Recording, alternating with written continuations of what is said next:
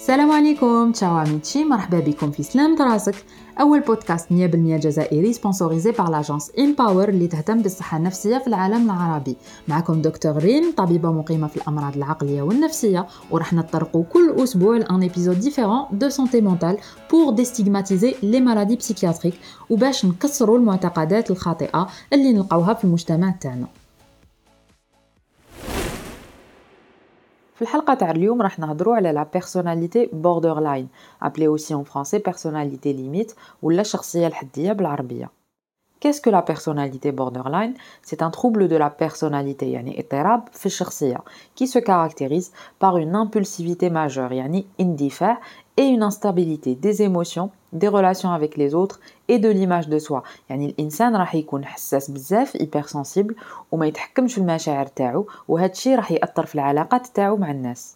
Le terme de personnalité limite évoque la notion frontière entre le normal et le pathologique يعني الحدود بين الحالة المرضية والحالة الطبيعية على بها les anglo-saxons سماوه borderline نبداو كالعادة avec un peu d'épidémiologie je partage avec vous quelques chiffres On commence par la prévalence de ce trouble. C'est un trouble très fréquent, il représente 3% de la population générale selon l'OMS. يعني حسب المنظمة العالمية للصحة في كل 100 شخص ثلاثة يعانيوا منه. معناتها بلي اضطراب الشخصية الحدية هو اضطراب شائع. نلقاوه أكثر عند النساء يمثلوا 75% تاع الأشخاص اللي يعانيو منه سيتادير كيلي دو فوا بلو فريكون شي لي فام كو شي لي زوم 60% حتى 70% من اللي يعانيو من اضطراب الشخصيه الحدية راح يديروا على الأقل محاولة انتحار وحدة في حياتهم. اي لا ماجوريتي فيرون ميم بلوزيور تونتاتيف دو سويزيد Souvent, on a une association de plusieurs personnalités. L'association la plus fréquente euh, qui vient avec le trouble de la personnalité limite, il y a euh, le trouble de la personnalité antisociale, le psychopathe. دركا نمروا للاعراض كيفاش نقدروا نشخصوا هذا الاضطراب quels sont les symptômes les plus fréquents qu'on retrouve chez la personne souffrant du trouble de la personnalité borderline Tout d'abord, نلقاو l'angoisse ou القلق. C'est l'une des manifestations les plus constantes dans le trouble de la personnalité borderline. نلقاو الشخص هذا قريب دايما مقلق متوتر وخايف بشكل غير منطقي انه راح يتخلاو عليه الناس اللي autour de lui.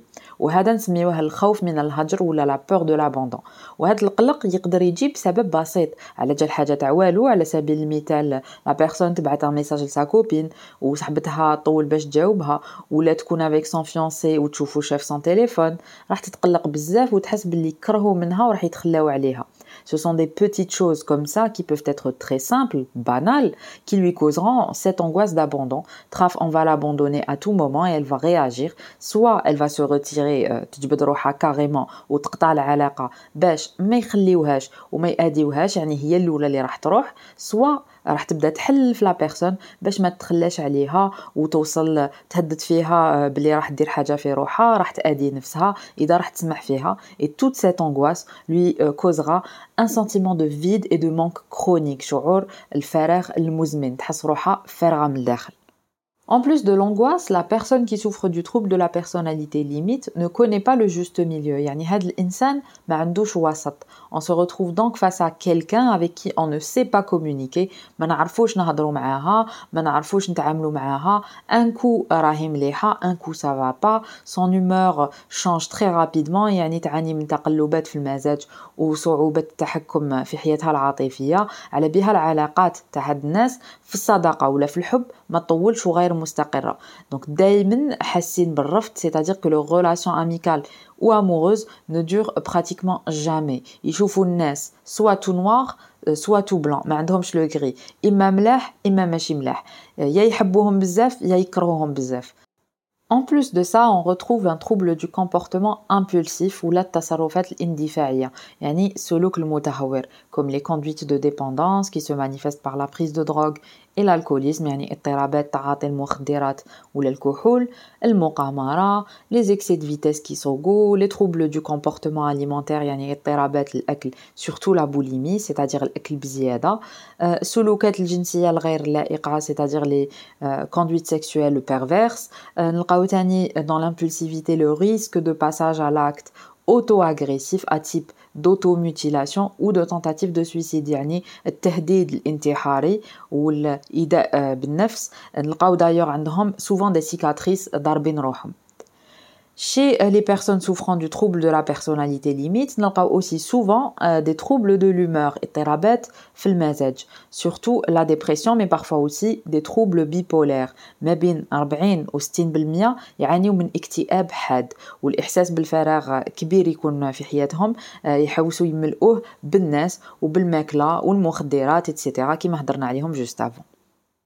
لا ديبرسيون عندهم تجي في اغلبيه الاحيان مختلفه على الاكتئاب عند الناس الاخرين على سبيل المثال بزاف منهم راح يكون عندهم غضب كبير في بلاصه الحزن c'est-à-dire des sentiments de rage et de colère excessive plutôt que de la tristesse profonde يزعفوا بطريقه غير منطقيه ما يتحكموش فيها وتقدر توصل لضرب الناس donc on peut arriver à l'hétéro-agressivité et ils peuvent devenir violents envers leur entourage en plus d'être violents envers eux-mêmes comme dans la plupart des troubles psychiatriques, la prise en charge se divise en deux parties.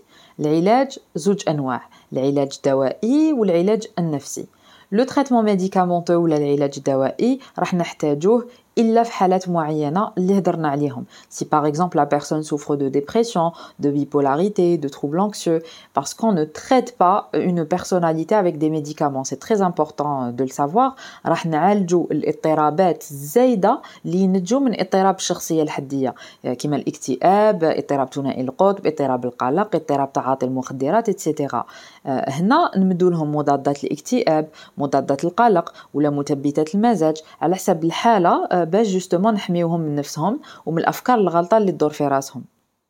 كونت لا بسيكوثيرابي العلاج النفسي الفعال هو العلاج السلوكي المعرفي اللي راح يخلي المريض يتقبل نفسه ويتقبل الناس اللي معاه.